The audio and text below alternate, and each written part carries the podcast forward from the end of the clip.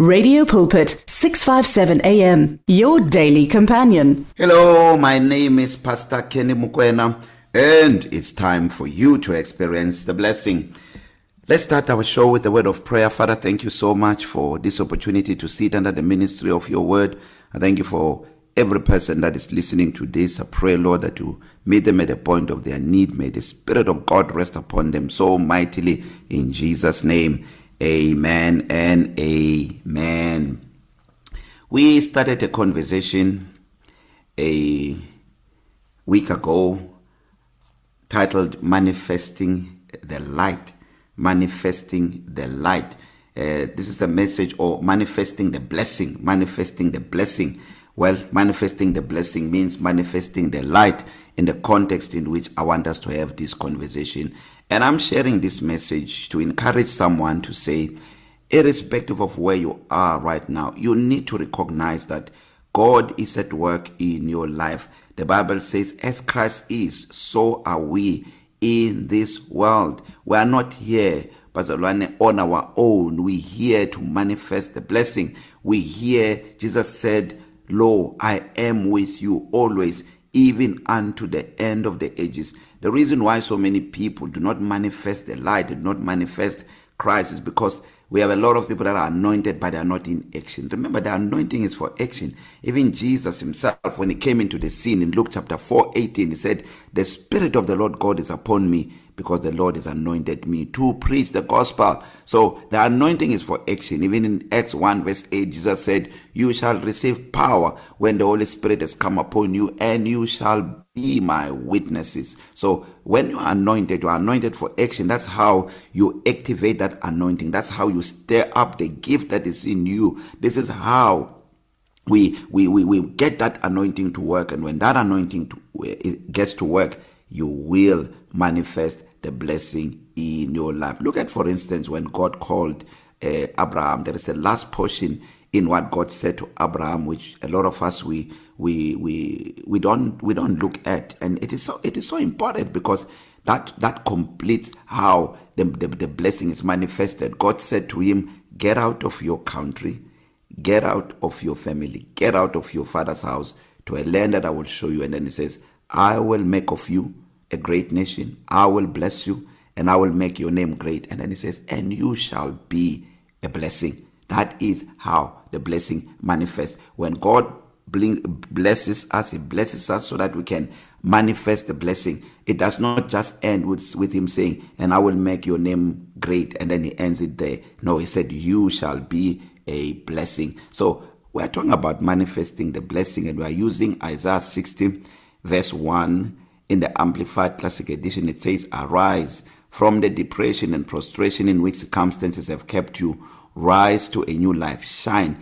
Be radiant with the glory of the Lord, for your light has come, and the glory of the Lord has risen upon you. So, here the prophet Isaiah is talking to our generation because this was not talking about the people of his time here. He was talking about our time. I believe with all my heart that you know the the messianic prophecy in the book of Isaiah it is so important for every one of us to understand because there is a mystery in in in all these prophecies. You know he Isaiah says a lot of things. We look at also Isaiah 32 uh, um, verse 17 Isaiah talks about he says unless or until the spirit is poured upon us from on high and the wilderness become a fruitful field and the fruitful field is counted as a will as, as a forest. So what is he saying? He's talking about the pouring of the spirit but yet the, for the people that he was talking about they he was they, they they did not even understand what he meant. So he says unless the spirit is poured upon us from on high and by saying it was talking about Jesus He was talking about Jesus because Jesus is the Holy Spirit in another form. When Jesus said it's expedient that I go away because if I do not go away, the comforter will not come. He was talking about going away so that he returns back as the Holy Spirit. And this is what Isaiah also saw in Isaiah 32. That is why when you go down uh, uh, uh, you will see where Isaiah says the work of righteousness will be peace and the effect of righteousness will be quietness and assurance forever. So there the moment it touches on the work of righteousness Now you already know right there that righteousness is imputed. And how is righteousness imputed? Through the death and resurrection of the Lord Jesus Christ. So here he says, Arise from your depression and prostration in which circumstances have kept you. So many people are not walking in the call of God for their lives because they are looking at circumstances. Listen, my brother, my sister, you will never do anything for God if you have to observe your circumstances. If you keep your eyes on your circumstances, your faith is going to weaken. You must learn as a believer that even when you are going through certain circumstances, you don't stop moving forward. You don't suspend the plans of God because you are going through something. You keep you keep moving on.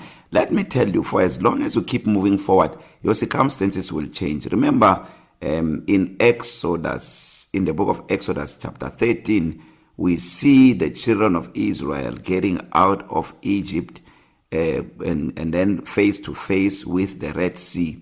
Uh, in, in, in you then I think it's Exodus chapter 14 yeah Exodus chapter 14 um, uh, you see you see the children of Israel being pursued by the army of uh, the the Egyptian army and they get stuck on the Red Sea Moses says in verse 13 he says do not be afraid stand still and see the salvation of the Lord which has accomplished for you but if you look at verse 15 God opposes Moses Moses said stand still God says, why to Moses says, why are you complaining to me? He says, tell the children of Israel to move forward. Tell the children of Israel to move forward. But Lord, how do we move forward? We have the Red Sea in front of us. God is not moved by the Red Sea. He's moved by your faith. He's moved by our faith. So he says, do not stand still. No, move forward.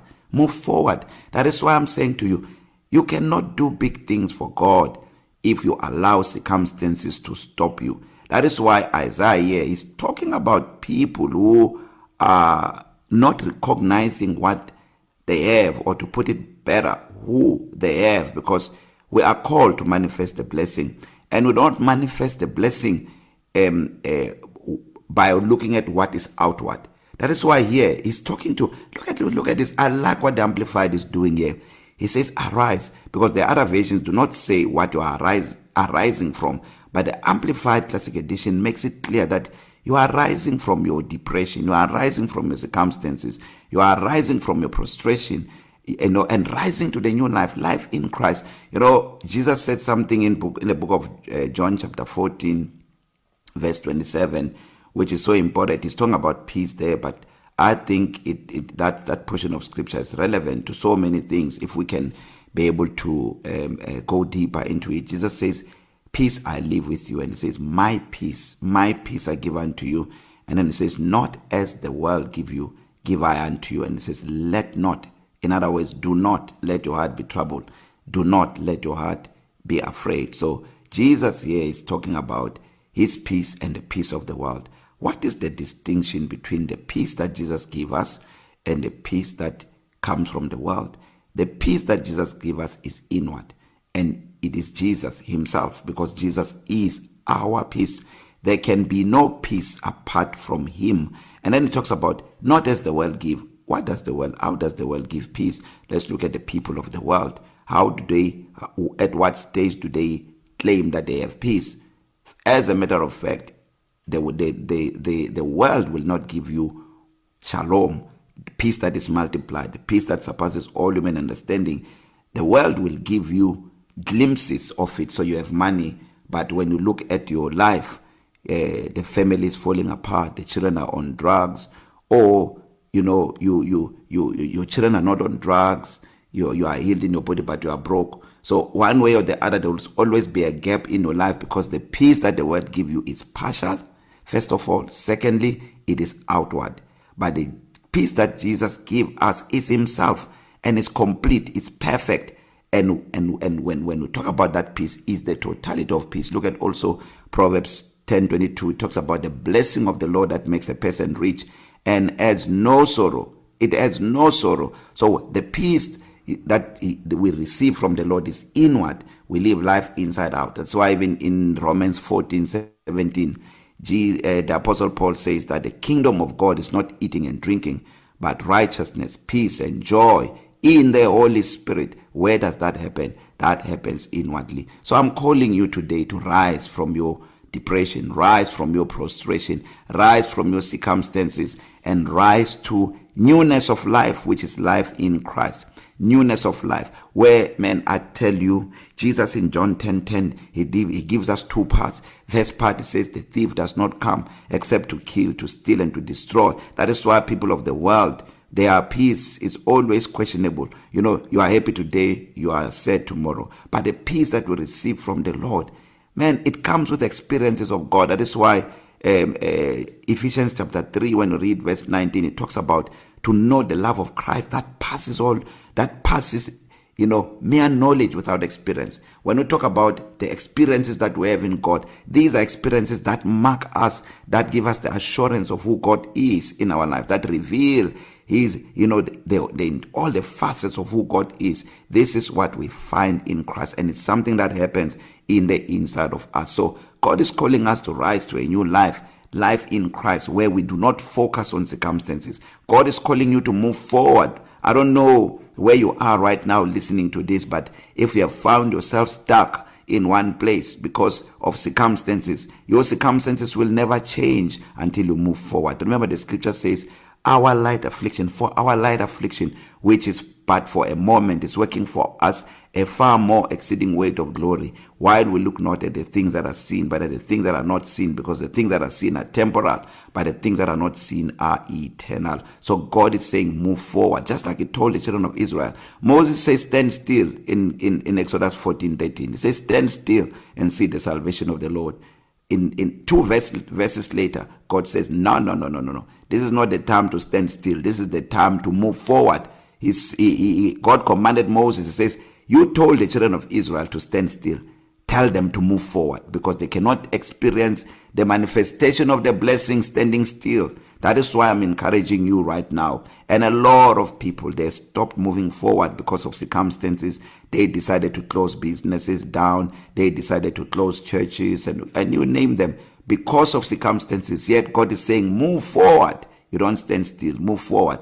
And as you move forward, you will see the manifestation of his power. You will see the manifestation of his grace because he's not limited by circumstances. As a matter of fact believers are called to thrive under circumstances because where there is darkness we manifest the light. That is why when you read verse 2 of Isaiah 60 it says behold darkness shall cover the earth and deep darkness the people but the Lord will arise over you and his glory shall be seen upon you. So any time we're confronted with circumstances it's not the time to bow down.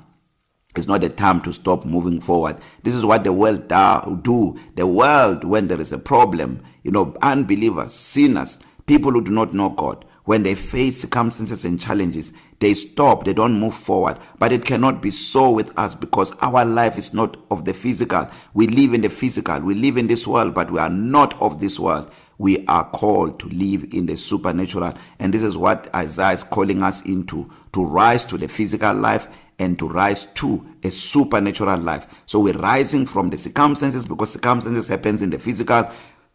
We are rising to a new life. It says shine shine because we have someone in the inside of you. Light himself is in the inside of you. Jesus do you know the bible tells us in the book of john uh, chapter 1 that in him was life and the life was the light of men. So the light the life of Christ in us is the light of men. We see light because we have him living in the inside of us. Jesus says because I live you shall live also. I've run out of time but I'm loving this conversation. I want to pray for you right now. If you're not born again have not made Jesus the Lord of your life this is the moment for you to say yes to Jesus and become born again. So believe in your heart that Jesus died on the cross for you and confess him as Lord of your life. Make this prayer with me right now. Say, Lord Jesus, I receive you now as my Lord and my Savior.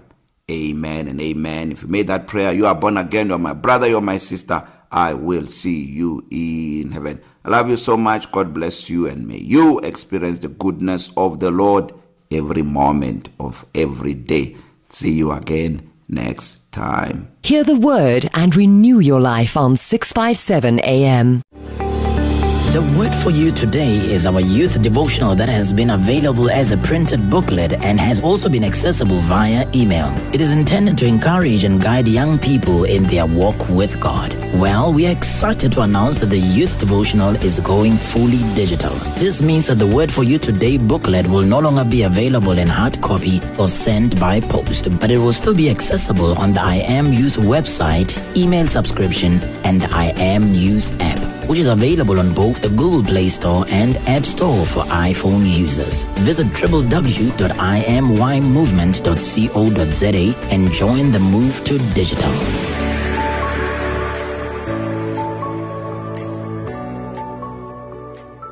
You and 657 AM and Life, a winning team on the road to eternity.